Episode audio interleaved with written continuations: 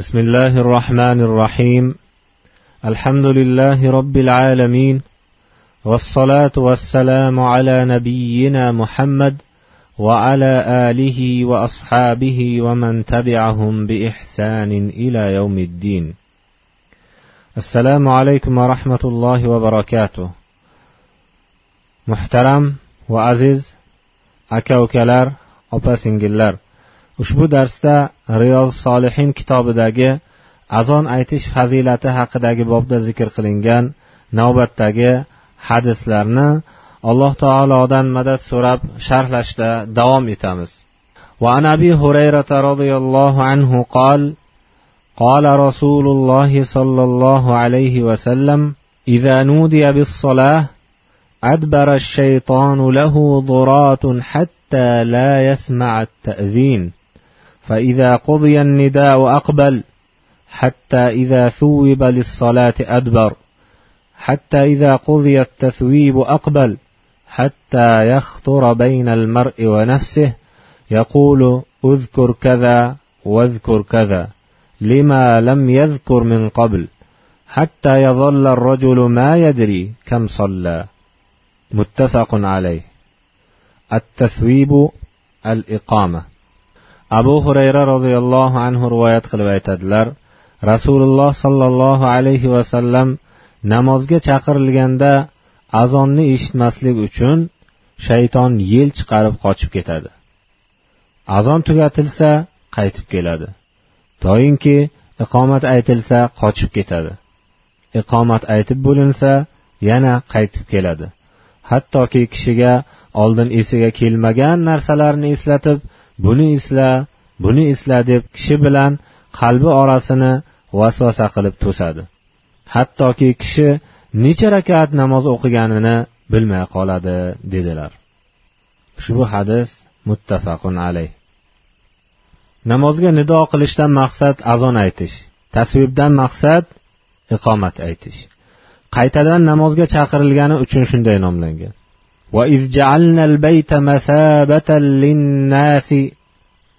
Degan oyatdagi masabatan kalimasi odamlar baytulloh bilan vidolashib ketgandan so'ng unga yana qaytib kelganliklari uchun shunday deb atalgan. Oyatning ma'nosi quyidagicha. Eslang baytullohni odamlar uchun ziyoratgoh qildik. Ya'ni ular baytulloh bilan vidolashib ketishsa unga yana qaytib kelishadi. Abu hurayra roziyallohu anhuning hadislarida esa namozga iqomat aytilsa unga shoshib kelmanglar deyiladi. Hadis azonning fazilatiga dalolat qiladi. Azon aytilayotganda shayton uni eshitmasligi uchun yel chiqarib qochishiga sabab bo'ladi. Azon va iqomat ikkalasi ham bunda barobardir. Ko'pchilik ulamolar shaytonning yel chiqarib qochishini uning zohiriga qarab haqiqiy deyishgan ekan. Ba'zilari esa uni tavil qilishgan. Vaholanki tavilga hech hojat yo'q. Aytishlaricha buning siri shundaki azonni eshitgan har bir insu jin qiyomat kuni albatta muazzin haqiga guvohlik beradi. Shuning uchun ham azonni eshitmaslik uchun shayton qochadi. Qiyomat kuni guvohlik berishga majbur bo'lmaslik maqsadida uni eshitishdan to'sish uchun yel chiqaradi. Hadisdagi yaxtoro yoki yaxtiru kalimasi ikki xil rivoyat qilingan. Ko'pchilik roviylar to harfini zammalik o'qishgan. Shunda uning ma'nosi o'tadi degan ma'noda bo'ladi. Ya'ni namozxonni namozga berilib ketishdan to'sadi. Ba'zilar toni kasra bilan rivoyat qilishgan. U holda ma'nosi uni vasvasa bilan qo'zg'aydi degan ma'noda bo'ladi. Nega shayton azon vaqtida qochadiyu? Unda qur'on tilovat qilinadigan namozdan qochmaydi. Buning ma'nosida ulamolar ixtilof qilishgan ekan. Al muhallab rahimaulloh aytadilar shaytonning azon aytilayotgan vaqtda qochishining boisi hamma odamlar tavhid kalimasini oshkora qilishga va shariatni yuzaga chiqarishga ittifoq qilganliklari uchun. Chunonchi arafa kunida ham shayton hamma birgalikda alloh taoloni yakkayu yagonaligiga guvohlik berishini va ularga rahmat nozil bo'lishini ko'rganda xuddi shunga o'xshash holga tushadi. Odamlarni oshkor qilgan narsadan to'sishdan umidini uzadi. Alloh ularga inom qilgan savoblar u uchun amalga oshmasligiga aniq ishonch hosil qiladi. Allohga qilgan ma'siyatini va uning amriga xilof qilganini eslab uni qo'rqinch qoplab olganligi sababli gapirishga vasvasa qilishga qodir bo'lmay qoladi. Boshqalar aytishlaricha shayton odam farzandi tavhid kalimasiga bergan guvohligiga shohid bo'lmaslik uchun azondan qochar ekan. Zero payg'ambar sollallohu alayhi vasallam muazzin tovushining oxirini jin yo inson yoki biror narsa eshitsa albatta u uchun qiyomat kuni guvohlik beradi deganlar. Imom abu hanifa rohimaullohdan rivoyat qilinishicha bir kishi bir joyga boyligini berkitib uzoq yillar undan g'oyib bo'ldi. So'ng kelib uni qidirdi. Lekin berkitgan joyini topa olmadi. Shunda abu hanifa rahimaullohning oldiga borib boshidan o'tgan voqeani unga aytib berdi. Abu hanifa rahimaulloh unga kechasi namoz o'qib unda niyatingni olloh uchun xolis qil. Qalbingda dunyo ishlaridan birontasi haqida o'ylamaslikka harakat qil. So'ng holingni menga bildir dedilar. U kishi u kishi borib namoz o'qigan edi boyligining joyi yodiga tushdi. Tong otgach abu hanifa rohimaulloh oldilariga kelib bo'lib o'tgan voqeani aytib berdi. o'tirganlardan biri alloh sizdan rozi bo'lsin bunga qayerdan dalil topdingiz dedi abu hanifa rahimaulloh ushbu hadisdan topdim shayton boyligining joyini eslatib namozida ixlos qilishdan to'sishga rozi bo'lishini bildim dedilar odamlar esa abu hanifa rahimaullohning ilmi va topag'onligiga lol qolishdi وعن عبد الله بن عمرو بن العاص رضي الله عنهما أنه سمع رسول الله صلى الله عليه وسلم يقول إذا سمعتم النداء فقولوا مثل ما يقول ثم صلوا علي فإنه من صلى علي صلاة صلى الله عليه بها عشرا. ثم سلوا الله لي الوسيلة فإنها منزلة في الجنة لا تنبغي إلا لعبد من عباد الله وأرجو أن أكون أنا هو. فمن سأل لي الوسيلة حلت له الشفاعة رواه مسلم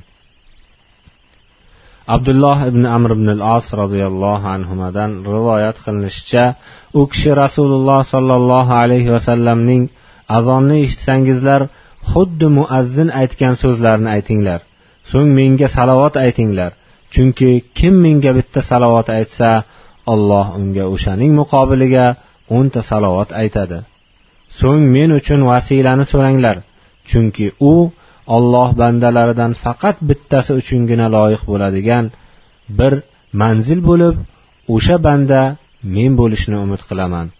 Kim men uchun vasila so'rasa unga shafoat nozil bo'ladi deganlarini eshitgan ekanlar. Muslim rivoyati. Ushbu hadisda payg'ambar sollallohu alayhi vasallam azon aytilayotgan vaqtda nimalar deyish va yakunlangandan so'ng u zotga salovat aytib azon duosini o'qish kerakligini buyurmoqdalar. Ulamolar ushbu hadisning ma'nosida ixtilof qilishgan. Ba'zilari abu saidning hadisi umumiy bo'lgani uchun azon eshitayotgan kishi to azon yakunlanguncha muazzin aytgan so'zlarni xuddi o'zini aytish kerak deyishgan. Bu imom shofiyning fikrlari. Ba'zilari esa faqat takbir va ikki shahodatni muazzin aytganidek aytadi. Hayya ala sola va hayya alal falah so'zlarining o'rniga esa la havla va la quvvata illa billah deydi. Muaviya roziyallohu anhuning hadisida shunday kelgan. Bu esa abu saidning hadisini bayon qiladi deyishadi.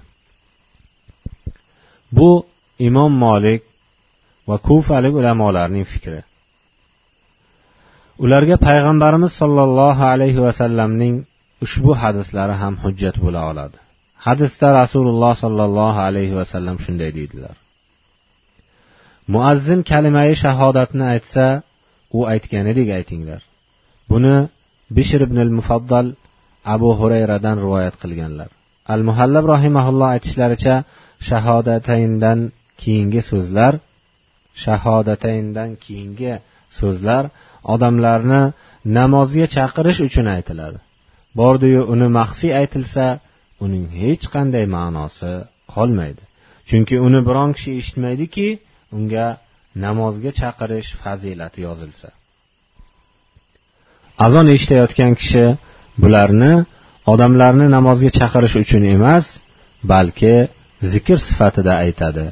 Shuning uchun ularning o'rniga muoviya roziyallohu anhudan rivoyat qilinganidek la havla va la quvvata illa billah deyishi kerak bo'ladi. Ya'ni hayya ala solah deb namozga chaqirilganda biz chaqiruvchi emas balki chaqiriluvchilardan bo'lamiz. Shuning uchun ham biz qaytadan hayya ala solah deyishimiz durust bo'lmaydi. Balki mana shu chaqirilgan namozni ado etishga olloh muvaffaq qilishi uchun undan yordam so'raymiz. Bu kalima esa jannat xazinalaridan biri hisoblanadi. Ibn hajar rahimaulloh ulamolarning salovat ma'nosida bildirgan bir necha fikrlarni zikr qilgandan so'ng ushbu fikrlarning eng afzali abul oliya rahimaullohdan naql qilingan fikr degan ekanlar. Abul oliya rahimaulloh aytadilarki alloh taoloning payg'ambar sollallohu alayhi vasallamga salovat aytishining ma'nosi u zotni maloikalari huzurida maqtab ulug'lashidir. Maloikalar va mo'minlarning payg'ambar sollallohu alayhi vasallamga salovat aytishlarining ma'nosi ollohdan shuni so'rab haqlariga duo qilishlaridir. وعن ابي سعيد الخدري رضي الله عنه ان رسول الله صلى الله عليه وسلم قال اذا سمعتم النداء فقولوا كما يقول المؤذن متفق عليه abu said al hudriy roziyallohu anhu rivoyat qilishlaricha rasululloh sollallohu alayhi vasallam azonni eshitganlaringizda muazzin aytganidek aytinglar degan ekanlar bu hadis ham muttafaqun alayh وعن جابر رضي الله عنه أن رسول الله صلى الله عليه وسلم قال من قال حين يسمع النداء اللهم رب هذه الدعوة التامة والصلاة القائمة آت محمدا الوسيلة والفضيلة وابعثه مقاما محمودا الذي وعدته حلت له شفاعتي يوم القيامة. رواه البخاري. Jobir roziyallohu anhu rivoyat qilishlaricha rasululloh sollallohu alayhi vasallam kim azon eshitganda parvardigoro ushbu komil azon va o'qilajak namoz sohibi muhammad sollallohu alayhi vasallamga vasila va fazila bergin. O'zing va'da qilgan maqtalgan maqomga sazovor qil desa qiyomat kuni unga shafaatim vojib bo'ladi degan ekanlar. Buxoriy rivoyati. Ushbu hadisdagi addavatittamma kalimasidan maqsad azon chaqirig'idir.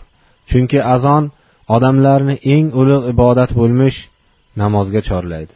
Shuning uchun ham u nuqsonsiz komil chaqiriq deb sifatlangan. Ammo johiliyatdagi chaqiriqlarga kelsak ular yo dushmanga qarshi yordam so'rash yo birovning o'lganini bildirish yoki taomga chaqirish kabi nuqson va kamchiliklari ko'rinib turgan chaqiriqlar edi. Assolatil qoimaning ma'nosi vaqti kirgan namoz degani. Al vasilani payg'ambarimiz sollallohu alayhi vasallam jannatdagi bir manzil deb tafsir qildilar. Lug'atshunos olimlar aytishlaricha vasila podshoh huzuridagi manzil ekan.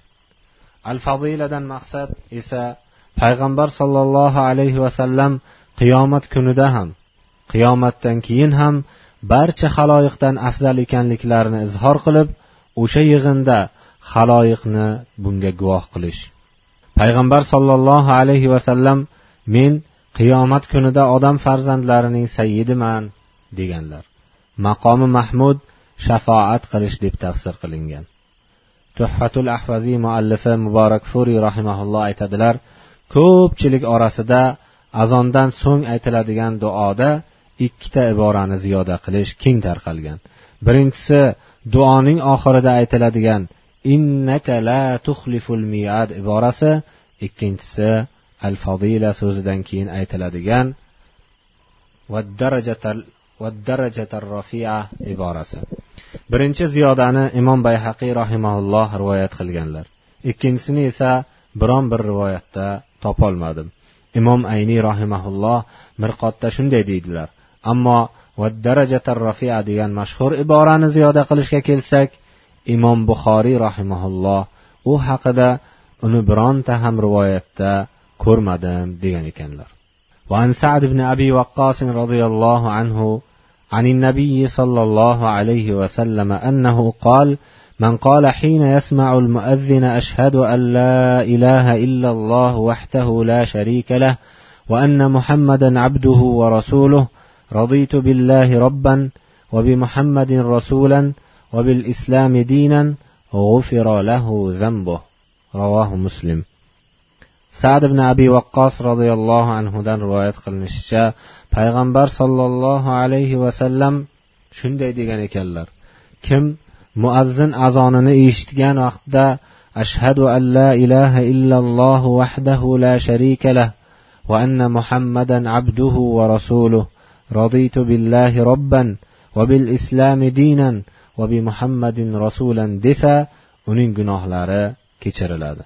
Ushbu hadisni imom muslim rivoyat qilganlar. Hadisdagi shahodatayinning ma'nosi yolg'iz va sheriksiz allohdan o'zga haq iloh yo'qligiga. Va muhammad sollallohu alayhi vasallam uning bandasi va elchi payg'ambari ekanligiga guvohlik beraman degani. Undagi rozitu billahi robban jumlasining ma'nosi ollohning rububiyatiga va barcha qazoyi qadariga roziman degani. Va bi muhammadin rasulanning ma'nosi muhammad sollallohu alayhi vasallamga vahiy qilingan va bizlarga yetkazgan barcha e'tiqod va ahkomlarga roziman. Va bil islami dinan jumlasining ma'nosi islom buyurgan va taqiqlagan barcha hukmlarga rozi bo'lib bo'ysunaman degani kimda kim muazzinga ijobat qilgandan so'ng ushbu so'zlarni aytsa alloh uning hamma sag'ira gunohlarini kechirib yuborar ekan. وعن انس رضي الله عنه قال قال رسول الله صلى الله عليه وسلم الدعاء لا يرد بين الاذان والاقامه رواه ابو داود والترمذي وقال حديث حسن anas roziyallohu anhu rivoyat qilishlaricha rasululloh sollallohu alayhi vasallam azon bilan iqomat orasida qilingan duo qaytarilmaydi degan ekanlar ushbu hadisni abu dovud va termiziy rivoyat qilib termiziy hasan hadis degan ekanlar. Azon bilan iqomat orasida qilingan duo qaytarilmaydi balki ijobat qilinib qabul qilinadi. Anas roziyallohu anhuning rivoyatlaridan birida azon bilan iqomat orasida qilingan duo mustajobdir deyilgan. Buni suyutiy rahimaulloh al jami sag'irda zikr qilganlar. Lekin shuni aytib o'tish kerakki azon bilan iqomat orasida qilinadigan duo boshqa vaqtda qilinadigan duolar singari gunoh ishlar qilish yoki silai rahm qilmaslik uchun bo'lsa qabul qilinmaydi. Munoviy hadisdagi mustajobdir degan so'zga ilova qilib aytadilarki ya'ni duoning shartlari arkonlari va odoblarini jamlagandan so'ng mustajob bo'ladi. Agar shulardan ba'zilarini bajarmasa u holda o'zidan o'pkalasin. Aziz va muhtaram birodarlar shu bilan ushbu bobning sharhiga yakun yasab hammamizni vaqtlaridan unumli foydalanishga muvaffaq qilishini yolg'iz parvardigorimizdan so'rab qolamiz. U hamma narsaga qodir zotdir.